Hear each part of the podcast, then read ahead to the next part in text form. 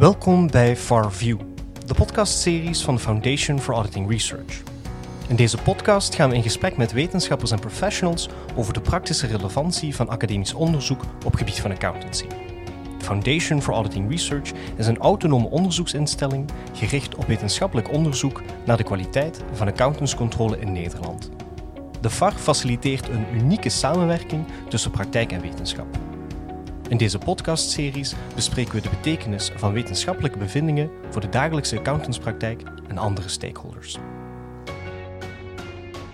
Nou, beste luisteraars, vandaag ben ik de gast in Tilburg. Uh, en onze gasten voor de podcast uh, zijn Simon de Keizer en Eddie Cardinaals. En die ga ik wat vragen stellen over een onderzoek Workload Allocation Process Within Audit Firms. Uh, misschien goed om te beginnen met een korte elevator pitch over wie jullie zijn. En misschien ook iets zeggen over de andere betrokkenen bij het, uh, bij het project. Wil jij beginnen, Simon? Uh, ja, dus ik ben Simon de Keizer. Ik ben uh, associate professor aan de Antwerpse campus van KU Leuven. En ik ben sinds ongeveer een half jaar, drie vierde van het jaar betrokken bij dit project. Um, naast dit project ben ik vooral um, ook betrokken ja, en allerlei andere soorten auditonderzoek. Dus dat is vooral mijn hoofdactiviteit, is auditonderzoek, auditmarktcompetitie vooral. Um, Oké. Okay. Ja. ja. Eddie? Ja, ik ben uh, Eddie Cardinaals, professor Management Accounting in Tilburg uh, Universiteit. Um, je zal je de vraag stellen, Management Accounting, waarom auditingonderzoek? Ja, de laatste jaren heb ik twee VAR-projecten, uh, waaronder deze dan, rond workload management. Ja, workload is een soort interne beslissing, een allocatie die eigenlijk ook controllers toekomt en misschien wat meer managementachtergrond heeft. Vandaar uiteindelijk ook dat ik dit project wel leuk vond. Binnen dit project zijn naast Simon en mij ook nog uh, Kara. Zij is PhD, Kara Zeng, een PhD-studente die ook op het project zit. En Amin Sofla, um, die ook mede de beurs heeft uh, geschreven. Mm -hmm. En dit is één, één project waaruit meerdere papers gaan komen? Of, of is dit de paper die die bij, bij het project uh, De bedoeling is eigenlijk meerdere papers. Um, we zijn eigenlijk begonnen met uh, eerst de idee van archival research te gaan doen, maar we merkten vrij snel van ja, vooraleer we archival gaan doen, we weten eigenlijk niet te goed wat er binnen de kantoren speelt op gebied van workload allocation. En zo zijn we gaandeweg eigenlijk eerst gestart met het interview, vooraleer dat we eigenlijk uh, archival research gaan doen. Um, de idee weten we nog niet goed welke kant we met de interview uitgaan, maar misschien wordt dat een aparte paper binnen het project, ja, ja. naast de archival data. Ja, ja, als we een stapje terug doen, hoe, hoe komen jullie bij het onderwerp? Waarom willen jullie gaan kijken naar dat workload allocation process? Is er iets voorgevallen of hebben jullie eens een prikkel gekregen om daar eens beter naar te kijken?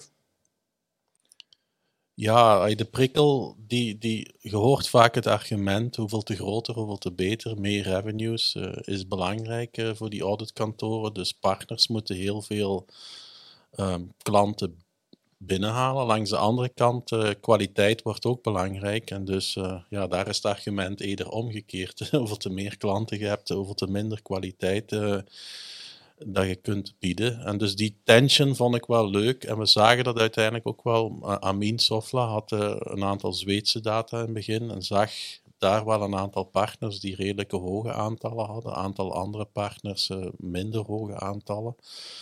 En dus daar was wel iets te doen met het probleem workload allocation. Um, doen we heel veel klanten of gaan we daar toch een beperking op zetten? Ja, ja. Je, zag eigenlijk dat dat een oorzaak was, een potentiële oorzaak voor problemen in principe. Ja, een potentiële oorzaak voor problemen. Zover zijn we niet gegaan, maar we zien wel van we moeten toch opletten. En, en, en wat we nu ook terugkrijgen uit de interviews is uh, ja, dat uh, in het begin voor 2010 dat er nog redelijk wat accent was op die revenues, maar door een aantal uh, accounting-schandalen dat men eigenlijk eerder veel meer is beginnen monitoren van oké, okay, die workload moeten we toch wel wat balancen rond, rond verschillende auditors en partners, zodat niemand eigenlijk te veel klanten heeft. Ja. ja. Want, want, hoe gaat het in zijn werk eigenlijk met zo'n... Ik heb zelf tijden met een accountskantoor gewerkt, maar ik, ik ben niet meer up-to-date van de, uh, hoe dat in zijn werk gaat op dit moment. Is er een aparte afdeling die daarmee bezig is? Um, ja, uit, um, wat wij begrepen hebben uit, uit de interviews, is eigenlijk dat ehm, qua workload allocation, dat je eigenlijk een aantal niveaus hebt. Als we eigenlijk kijken naar, naar de partner, dus de lead engagement partner, dat dat eigenlijk vooral uh, nog een aantal kantoren die wij gesproken hebben, eigenlijk ehm, op het office niveau wordt onderling verdeeld ehm, aan de hand van een aantal eigenschappen van de partner en een aantal eigenschappen van de klant eigenlijk. Maar wie doet dat dan? Ja, je hebt een planning department. Die komt ooit ter sprake. Grotere offices hebben echt wel een, een, iemand verantwoordelijk voor, voor die allocatie. Bij kleinere kantoren zien we dat dat dan bijvoorbeeld iemand is rond listed firms. En die dan eigenlijk met een aantal partners samenwerkt om dan toch te zien dat uh, die workload gespreid wordt binnen die regio. dat, mhm. dat, kwam voor bij een minder groot kantoor. Ja, maar jullie focussen met name op de partners. Uh, ja. Heb ik de indruk. Uh, terwijl het ook, dat de plan is natuurlijk ook een, vooral een issue ook voor het hele team natuurlijk. maar daar willen jullie niet naar kijken. Of nog niet? Ja, nog niet. Ik denk in eerste instantie nog niet, omdat daar natuurlijk een aantal andere zaken spelen. Dus we willen eerst kijken naar de partners eigenlijk en hoe partners gematcht worden aan klanten. Omdat daar ook een aantal uh, interessante intensieve spelen die zich mogelijk minder of op een andere manier voordoen op, op die andere niveaus. Uh, denk bijvoorbeeld aan bepaalde carrière-incentieven die, die partners hebben om bepaalde klanten binnen te halen of bepaalde risicoaversies die de partner geeft om bepaalde meer risicovolle partner, klanten sorry, minder ofwel in hun portfolio op te nemen, terwijl op de meer junior niveaus toch, uh, denk er eerder wordt gekeken naar uh, we moeten zorgen dat we een x aantal uren ter beschikking hebben van junior personeel om deze engagement te gaan voldoen, maar welke junior dat dan is, dat dat iets, ja, iets minder belangrijk, dat is misschien een verkeerd woord, maar toch een andere andere manier van werken is dan, dan bij die auditpartners zelf. Mm Dus in eerste instantie willen we inderdaad kijken naar die auditpartners um, en houden die andere niveaus eigenlijk uh, even buiten beschouwing. Ja. Ja, wat we wel zien uit die interviews is dat die andere niveaus, die lagere niveaus, er is wel een capacity uh, probleem. Dus uh, de auditkantoren hebben te weinig juniors op dit moment. En da daar speelt zich wel een probleem. Maar gelijk Simon zegt, we willen eerst vooral kijken naar diegene die uiteindelijk de, het, het, het, jaarverslag aftekent en ziet van ja, welk workload heeft hij, hij in zijn portfolio. Ja. Um, zijn er leeropportuniteiten dat hij als hij bepaalde klanten doet, dat hij beter wordt op opdrachten? Dat is een vraag. Of als hij te veel klanten heeft of te hoog risicoprofiel, um, beïnvloedt dat de kwaliteit dan eventueel op een, op een negatieve manier. Um, die, die kwaliteit-issue hebben we in de interviews natuurlijk nog niet kunnen achterhalen. Wat wel was, is dat ze zeiden van ja, de workload is een belangrijke parameter in de kwaliteit naar klanten toe. Dus we moeten daar wel over waken. En dat besef is wel gegroeid binnen de kantoren. Eh, de laatste vijf tot tien jaar dat workload wel een issue is om goede kwaliteit te kunnen leveren. Er zit ergens een constraint en daarboven wordt het moeilijk om natuurlijk nog meer klanten te gaan doen. Ja, ik, ik ben al, uh, toen ik op het kantoor begon, is 20 jaar geleden denk ik. Uh, maar toen hoorde je wel eens van ja, zorg eerst maar eens dat je de klant binnen hebt en zien we daarna wel uh, hoe we het oplossen. Ik weet niet of dat inmiddels veranderd is, of je daar iets over gehoord hebt. Of dat het je überhaupt niet bekend voorkomt. Nee, nee, dat komt bekend voor, maar we merken toch dat die, die mentaliteit anders ligt nu. Hmm. Een argument dat ook aangehaald wordt, is dat er redelijk veel klanten zijn, te weinig auditors. En dus dat ze eigenlijk wel keuzemogelijkheid hebben om bepaalde klanten niet te gaan bedienen als ze ja, toch uh, niet binnen het profiel van de organisatie zouden passen. Dus uh, er is hmm. eigenlijk een overaanbod aan klanten ja. En, en, en, en, en eigenlijk uh, daardoor kunnen ze wat strenger aan de poort zijn. Ja, ik heb me daar wel eens wat zorgen over gemaakt. Want uh, grote kantoren zouden in principe kunnen zeggen: we focussen ons met name op kwalitatief hoogstaande cliënten. Hè, dat is ook goed voor je reputatie uh, als accountant waarschijnlijk. En dan, ja, dan resteren, er, ja, dan resteren er bedrijven die eigenlijk ja, misschien net heel veel baat zouden hebben bij een hele goede accountant. Ik- denk dat dat een risico is die zich reëel voordoet. Dat is een aantal meer risicovollere klanten misschien moeilijker aan een bedrijfsrevisor halen. helpen. Natuurlijk, de interviews die wij doen zijn bij de kantoren zelf. Dus die bekijken dat enkel van op kantoorniveau. En v- voor hen natuurlijk dat, dat meer marktniveau gegeven van waar gaat die klant dan eventueel eh, naartoe, is voor hen minder belangrijk. Maar ik denk dat dat zeker iets is eh, ja, die, die mogelijk in, in, de probleem, in de toekomst voor problemen kan zorgen. Ja, gegeven ook een aantal eh, ja, re- regelgevingen die zijn ingevoerd en bepaalde restricties, eh, bijvoorbeeld bepaalde non-audit services die je mag geven aan bepaalde klanten, waardoor daardoor misschien ook nog een aantal potentiële klanten afvallen voor, voor, voor auditklanten, omdat je er al non-audit diensten aan eh, gegeven hebt, waardoor dat eigenlijk die keuze die de klanten heeft, dat die eigenlijk wel eh, beperkt kan worden Ja. op marktniveau. Natu- natuurlijk voor de eh, auditbedrijven zelf die wij interview- interviewen, is dat ja, voor hen misschien minder een zorg. Dat zij dat natuurlijk vanuit hun perspectief bekijken en minder van op eh, Ja. waar kan die klant dan naartoe als wij hem niet accepteren. Ja, ja, ja. ja, in Nederland willen ze nou verplichten, hè, dat je dat eh, gewoon een accountant wordt aangewezen. Maar dat is natuurlijk echt bij de echt problematische klanten. Maar er zit natuurlijk nog een heel oeuvre tussen. Ja, je ziet wel dat, eh, dat hebben we ook wel teruggehoord in de interviews, dat bepaalde partners wel een hogere risicoappetijt hebben dan, dan andere partners. Dus op zich, die zeggen van ja, geef mij maar eh, een, een iets moeilijkere klant. Mhm. eh, wordt ook wel rekening mee gehouden dan in de workload van oké, ja, hier zijn wel al een aantal twee of drie moeilijke klanten bij die partner. We gaan er dan nu niet, niet nog extra toevoegen. Ja. Maar ja, het blijft wel een gegeven dat misschien sommige klanten moeilijker aan een auditor geraken. Ehm, klanten weten dat ook wel, dat er nu meer gestuurd wordt op kwaliteit, heb ik de indruk. Ook Mhm. eh, ehm, de profielen worden gecheckt eh, door die planning departments. ehm, en, en kwaliteit is een belangrijke input. eh, dus klanten weten dat ook, dat dat een, een, een, criteria belangrijker wordt Ja. in de keuze van, van, van, van het kantoor. Maar want hoe ziet zo'n planning department er dan, dan uit? Heb, heb, je, heb je daar een gevoel voor gekregen? Van, zijn de partners daar zelf bij betrokken? Eh, of is er een vast team die dat helemaal... eh, Ja, het varieert van kantoor tot kantoor. Ehm, soms is het, ai, bij de grote kantoren is het effectief een soort tendering department, maar nog blijft de... maar dat zijn mensen die fu- fulltime daarmee bezig zijn? eh, Of, of wat ik neem aan... ja, ze zijn daar niet fulltime mee bezig, dus het is vaak een partner die dat dan ook eh, leiding geeft over dat departement, ehm, die zelf ook nog wel een beperkt aantal klanten doet. ehm, eh, binnen de, die ander voorbeeld was het eerder een, een kleiner, ai, meer in regio's opgedeeld. We gaan zeggen, we hebben listed companies, we hebben public companies, ehm, ziekenhuizen. Als, en binnen ieder van die sector heb je wel iemand die waakt over de planning dan. Ehm, Maar bij nieuwe cliënten, dat gaat dan met name via tenders. Nieuwe cliënten varieert. Hè. Ehm, soms brengt een auditor die binnen, Mm. maar dan gaat het nog. Maar de, is die auditor dan tevens betrokken bij planning department? Die die klant binnenbrengt, wordt hij dan ook daarbij betrokken bij de planning? Ik kan me voorstellen als partner dat je dan toch graag wil weten wie er in je team eh, komt te zitten.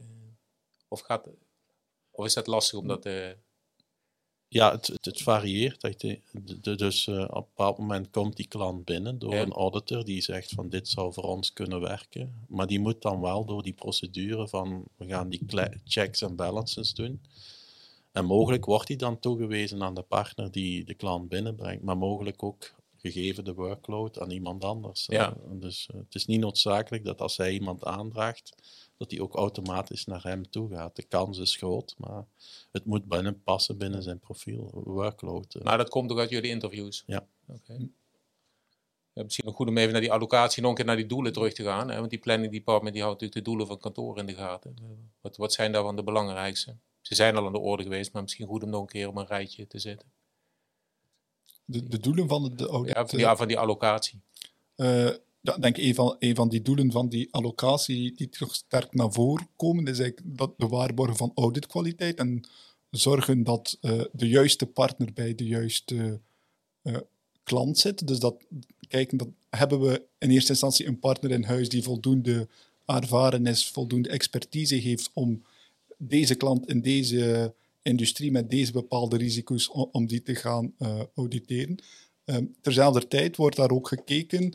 Um, bij, bij elk van de kantoren die we gesproken hadden, wordt eigenlijk wel die portfolio van de klanten, van de partners, sorry, uh, in de gaten gehouden, minstens jaarlijks. Dus dat wordt gekeken naar in, in die portfolio van die partner, wat, welke klanten zitten daarin? Neemt die partner zelf eigenlijk niet te veel risico's? Is die portfolio ook niet te groot? Hè? Zijn daar, um, um, er was een bepaald kantoor die daar zelf bepaalde uh, bedragen bij had. Die van, ja, een portfolio van een partner mag eigenlijk niet over een bepaald um, eurobedrag gaan. Dus dat wordt wel um, gemonitord. Dus denk ik, het tweede objectief is ook dat, dat risico voor, voor de, de partners en misschien die, die workload van, van die partners, om, om dat ook goed in de, de gaten te houden. Mm -hmm.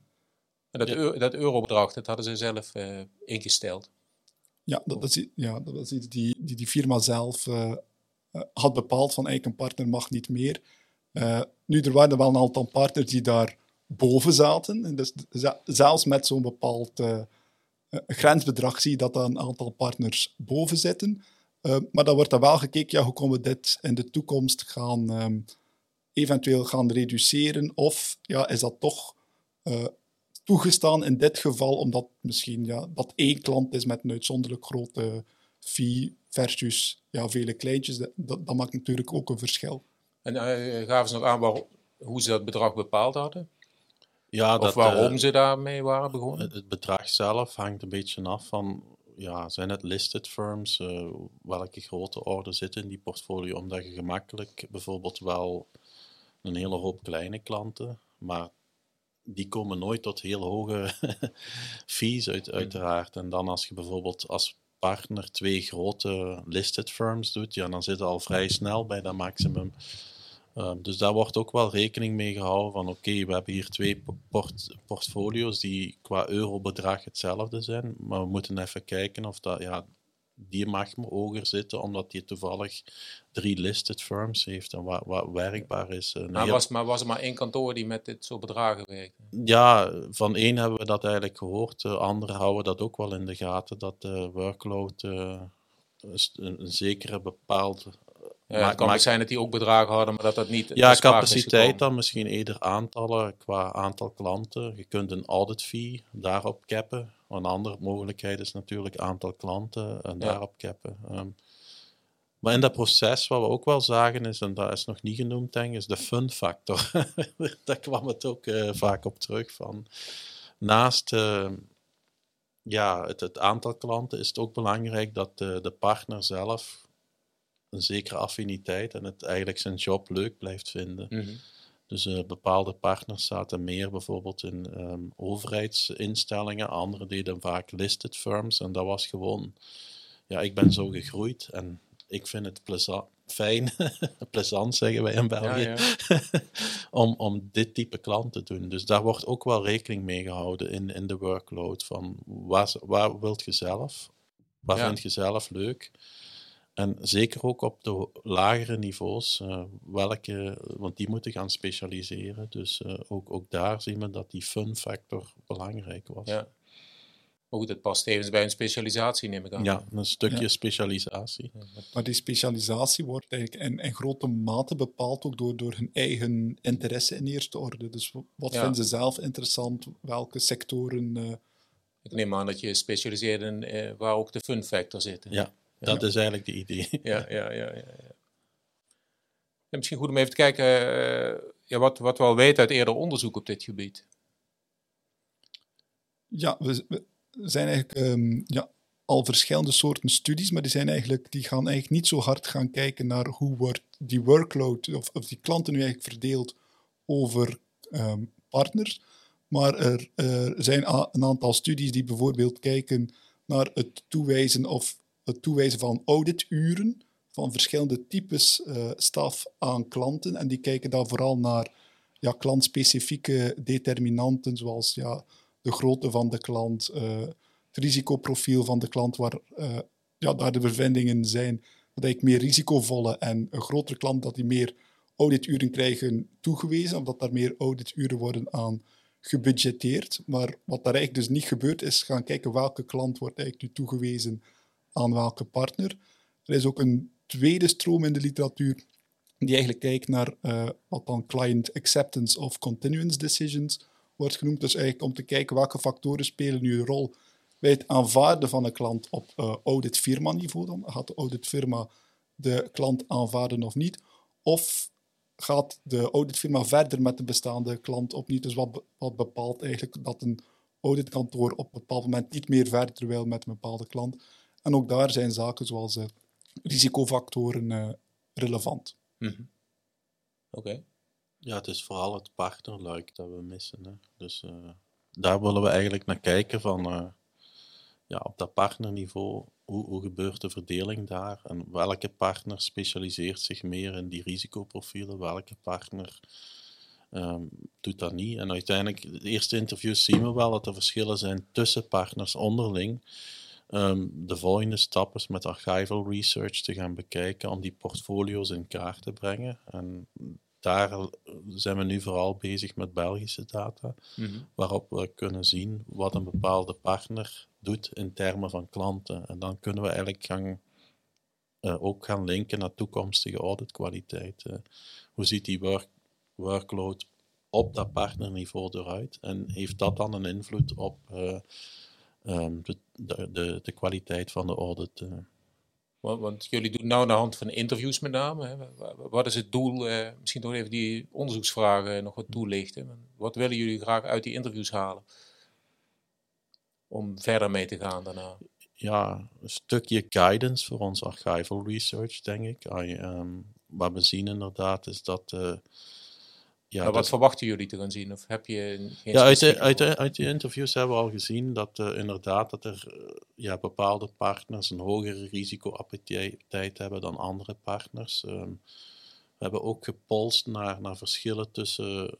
En, het gaat, en gaat het dan om meer cliënten aannemen of ook meer risicovolle cliënten eh, behandelen? Of waar zit ik, hem dat in? Ik, ik denk niet zozeer in het aantal, maar eerder van uh, ja, de ene heeft een hoger risicoprofiel hmm. dan, dan de andere partner. Um, wat misschien ook logisch is, omdat bijvoorbeeld die partner die een hoger risicoprofiel... Maar die zoekt meer risicovolle cliënten ook, dat bedoel je? Ja, dat ja. die dan ook gespecialiseerd is. Inderdaad, als er een moeilijke klant binnenkomt, dat, dat het auditkantoor ook iemand heeft die die moeilijke klant kan doen. Ja, ja. Oké. Heb jij daar nog iets aan toe te voegen, Simon? Ja, um, dus voor, voor de interview specifiek dan. Uh, ja, ja. Um, dus ja, er zijn een aantal ja, zaken die we wou, wouden weten, denk ik. Dus e enerzijds is er in die auditfirma sprake van een sort of matching. Dus worden die klanten eigenlijk gematcht aan partners of, of vice versa op basis van eigenlijk ja, expertise van die partners, op basis van uh, de specialisatie van die partner, wat, wat eigenlijk in theorie zou verwachten. En dat blijkt toch uh, in grotendeels uh, zo te zijn. Maar daarnaast, ja, wat, wat zijn nu die...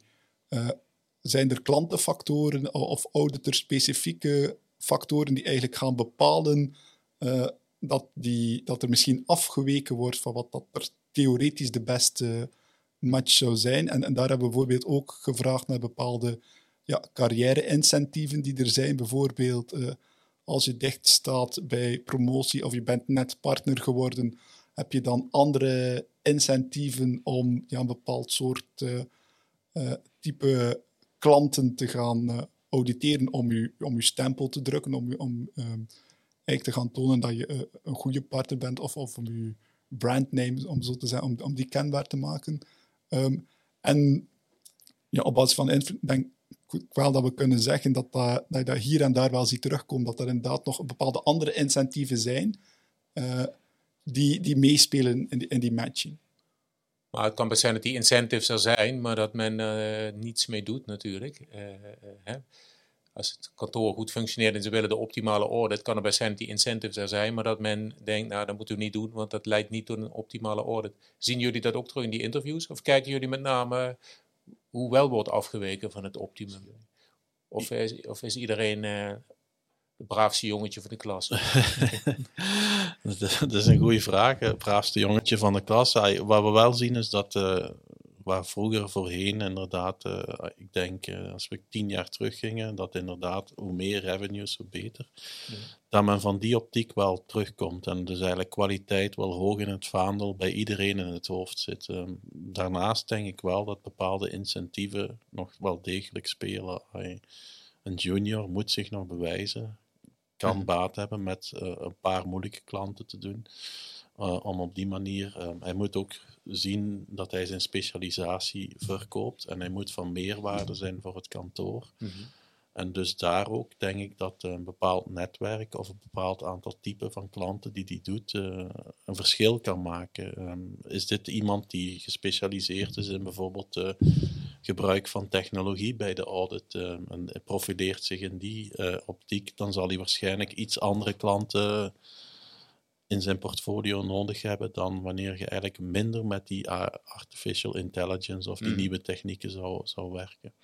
Dus er is wel degelijk ook wel sprake van individuele preferenties binnen die allocatie. En daar ja. wordt ook rekening mee gehouden. Ik, ik kan me uh, een half jaar geleden ongeveer een discussie herinneren op accountant.nl. Dat jonge partners ook vaak risicovolle cliënten krijgen, omdat de oudere partners denken, daar hebben wij niet zoveel uh, zin meer in. Uh, zie je dat ook terug? Want ja, dan zou natuurlijk, als je, als je het SEC ziet, zou je denken, oh, dat, eh, die accountant wil zichzelf bewijzen. Maar het kan natuurlijk best zo zijn dat hij dat min of meer eh, opgelegd krijgt. Dat, althans, dat was uh, het standpunt in die column. Ik weet niet hoe dat in de praktijk zit. Komen jullie dat ook tegen?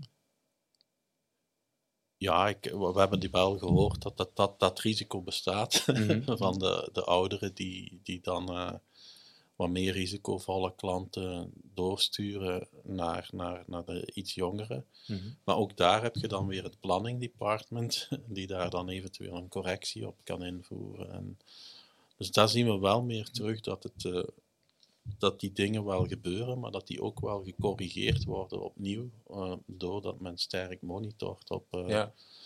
Dus zullen er zeker nog bestaan. Ik kan niet zeggen dat ze een volledig, volledig weggecontroleerd, weggecijferd worden door de planning, maar we zien wel die dingen wel terug. Uh, we hebben daar wel de argument gehoord, maar dat, langs de andere kant stelde men ook, ja, planning zorgt wel voor een aantal van die dingen, dat we die kunnen zien en dat we daar actief op kunnen monitoren.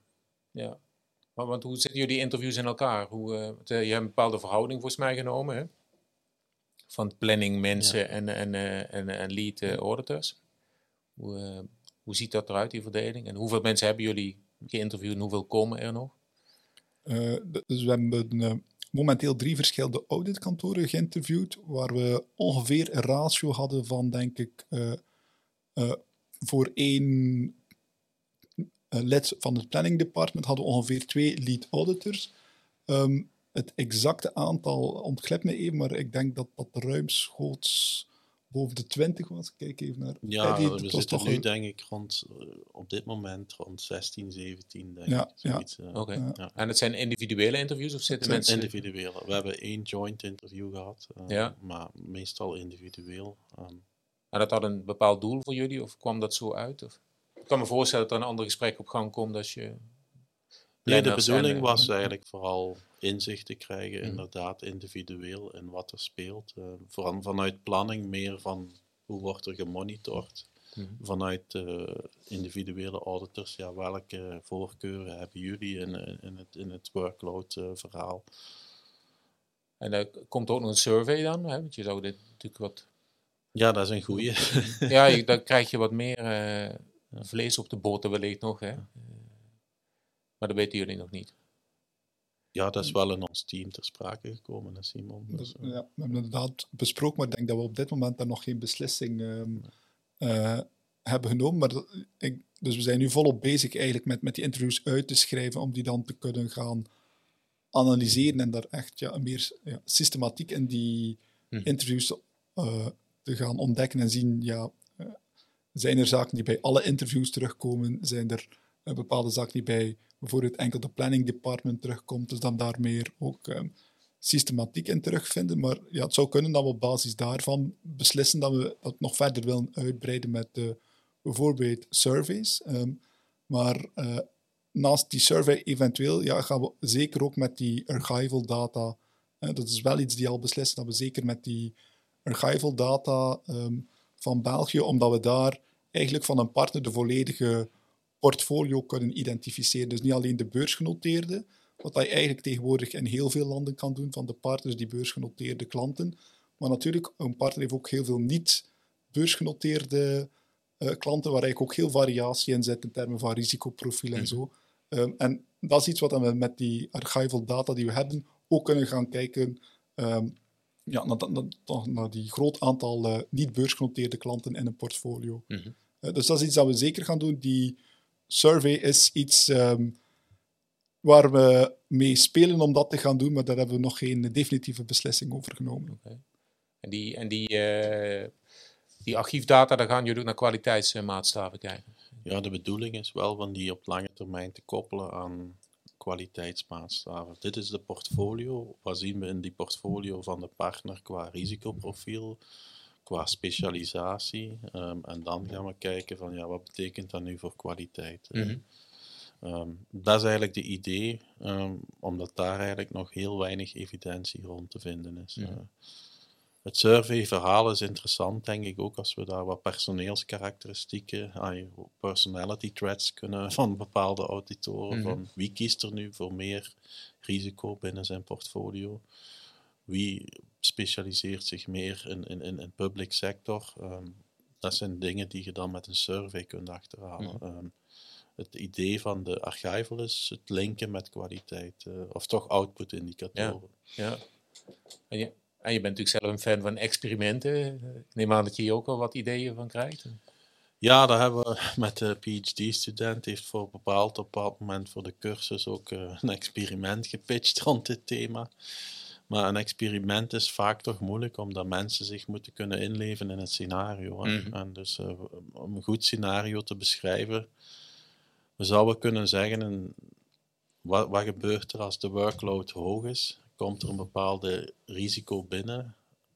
Wil je dat dan nog aannemen of niet? Dat zou bijvoorbeeld een experimentvariabele kunnen zijn. Mm afhankelijk van hoe sceptisch is een bepaalde auditor in het accepteren van nog een nieuwe klant, gegeven de hoogte van zijn portfolio. Zo'n scenario zouden we wel kunnen beschrijven in een experiment. Uh dan kunnen kijken ja, welke hebben meer risicoappetijt of willen eigenlijk nog meer toevoegen. In mhm. Welke incentieven spelen daarin mee? Dat zouden ook in dat scenario kunnen manipuleren.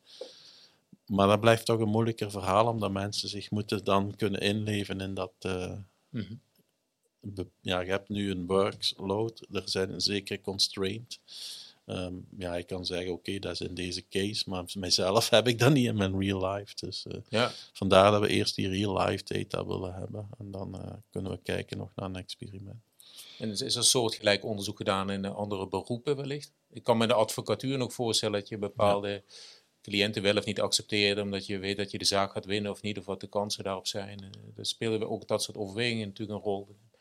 Ja, er is wel... Um, toen we de beurs uitschreven, hebben we samen met Amin en ik ook gekeken naar ja, softwarebedrijven en zo. Ja. Van pak er nog een nieuwe klant aan. Ehm, daar zitten ook met een soort trade-off mhm. natuurlijk. Dus uh, revenues komen binnen door die nieuwe klanten aan te nemen. Maar langs de andere kant, die programma moet ook wel werken. En je moet waken over dat je dezelfde kwaliteit kunt bieden aan iedere klant.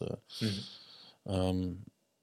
daar zijn wel eh, hier de audit kantoren is natuurlijk nog een bepaalde nuance, omdat die natuurlijk ook een heel grote publieke functie hebben. Um, die softwarebedrijven, ja, als het niet werkt, zit alleen tussen bedrijf en softwarekantoren. Um, hier, uh, als het niet werkt, betekent dat, uh, dat het ook publiek bekend is dat uh, de kwaliteit misschien ehm, onderhevig is, toch aan werkdruk. Maar dat was wel, was, sorry, ja, ik ging, ja, natuurlijk nog een verschilvoorbeeld met die softwarebedrijven is dat die auditors natuurlijk ook die, die jaarrekening van hun klanten moeten controleren en dus misschien niet altijd ehm, ja, misschien met bepaalde problemen afkomen die die klanten niet graag zien. Eh, eh, zeker ja, met verschillende soorten klanten. Ik kan me voorstellen bij bepaalde niet beursgenoteerde klanten die verplicht worden om een revisor aan te stellen, dat misschien niet vrijwillig zouden doen, dat die niet ehm, altijd zo blij zijn met bepaalde problemen die, die een auditor vindt. Ehm, wat natuurlijk anders is dan bijvoorbeeld in de advo- advocatuur, waar je eigenlijk betaald wordt om de belangen van uw klant te gaan verdedigen. Ja, als een auditor verdedig je vooral de belang van aandeelhouders en eh, andere stakeholders die u misschien niet rechtstreeks hebben benoemd. Dus daar Ja. heb je wel een, een ander soort spanning. Ja, dat, dat- Spanningsveld. Dat begrijp ik helemaal. Ik dacht, misschien is er onderzoek geweest waar wel parallellen uit te halen zijn die misschien eh, kunnen Ja, de parallellen die we daar vooral uithalen is van hoe, hoe schatten zij workload en dergelijke dingen. Meer methodolo- methodologisch. Mhm. Maar ik denk dat bij ons toch wel een heel aantal andere factoren gaan spelen dan, eh, dan wat daar eigenlijk eh, zich afspeelt. eh. Ja, begrijp ik. Ehm, ja, er resteert nog van wat kan de praktijk straks met, eh, met jullie resultaten? Wat verwachten jullie dat eh, hè, kantoren denken toch vaak fijn als ik daar direct iets mee kan. Dat is natuurlijk best lastig af en toe. Maar wat, wat zien jullie nu al waar je denkt dat ze iets mee kunnen? Ja, ik denk. Het, het, het- ah, we zitten nog niet aan dat verhaal, dus, dus op zich weten we nu nog niet wat ze ermee kunnen. Maar eh, in ieder geval, ik denk.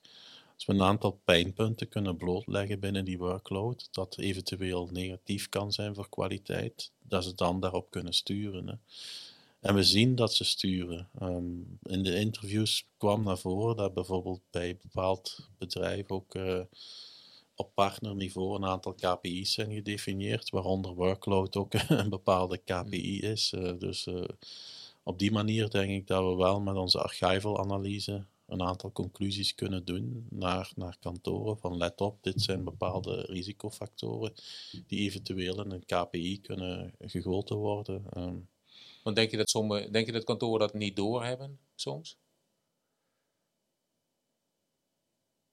ja, niet doorhebben. Ik denk wel dat ze zich van bewust zijn van die factoren. Maar wat uiteindelijk zij definiëren kwaliteit op een andere manier dan wij kwaliteit definiëren. Ehm, dus, want we hebben ook gevraagd, wat betekent kwaliteit voor jullie? Ehm, ja, wij kunnen echt over een dataserie gaan, gaan nagaan of, eh, of er hier eh, hoge of lage kwaliteit geleverd wordt. Ehm, zij kijken intern ook meer naar kwaliteit van zijn de procedures gevolgd, dergelijke dingen meer. Ehm, maar minder de output uiteindelijk. Nou, kan er nog een audit quality indicator uitkomen? Ja, misschien wel. Misschien is dat ehm, een mogelijkheid. Denk je dat dat iets is waar we in eerste instantie echt op zoek gaan, om op basis daarvan echt een, audit quality indicator eh, te gaan opstellen? Ik denk in eerste instantie gaan we kijken naar associaties met de eh, audit quality en onze ja, proxies voor, voor, voor workload.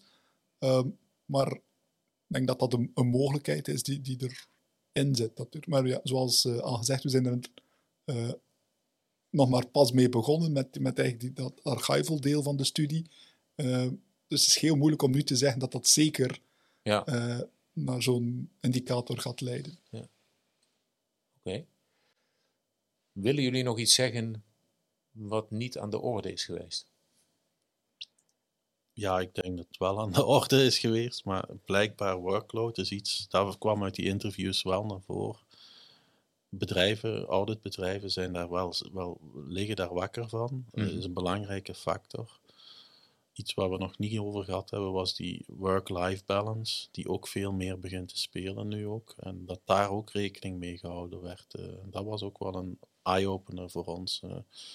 dus die ja, work-life, bepaalde mensen in een bepaalde carrière, dat die op een bepaald moment kinderen krijgen en dat ook rekening mee gehouden wordt in de workload. eh. Oké. Dus dat was wel eh, voor mij ook een eye-opener die ik eigenlijk nog niet wist eh, voordat ik het interview En dat deed. komt regelmatig terug, die opmerking. Ja, ja. Oké. De diversity, workload, work-life balance, eh, zorgen dat iedere in zijn stage, stage van de carrière een juiste workload heeft. Daar werd vroeger minder op gemonitord, omdat je, ja, je moest als auditor eh, 70 uur werken. Ja. Die tendens lijkt toch, ja oké, in de drukke momenten blijft het altijd wel druk en zullen die lange uren nog wel moeten draaien, maar op andere momenten probeert men toch te kijken van, dit is nu zijn gezinssituatie, wat kunnen we van die persoon verwachten en wordt ook meegerekend in, in, in, in de workload. Dus dat, dat was een positief verhaal dat terugkwam. Om maar 60 uur te werken. Nee. Ja, om, om, om meer flexibiliteit te geven, ja. ook aan de, de werknemers. Ik denk ook deels geïnspireerd door dus, dus die krapte die daar eh, op, op die niveaus ook zit, dus die capacity constraints eh, die daar zitten. En dat de oude bedrijven toch belang bij hebben om toch de, het goed gekwalificeerd eh, personeel tevreden te houden en zich eh, voor langere tijd misschien dan vroeger aan zich te binden om toch eh, ook op die niveaus voldoende personeel te hebben om die audit engagement te kunnen blijven eh, eh, voldoen. Oké. Nou, zullen we het hierbij houden? Ja, nee, dat is prima. Ja, hartelijk dank voor jullie eh, bijdrage. Bedankt. Graag gedaan.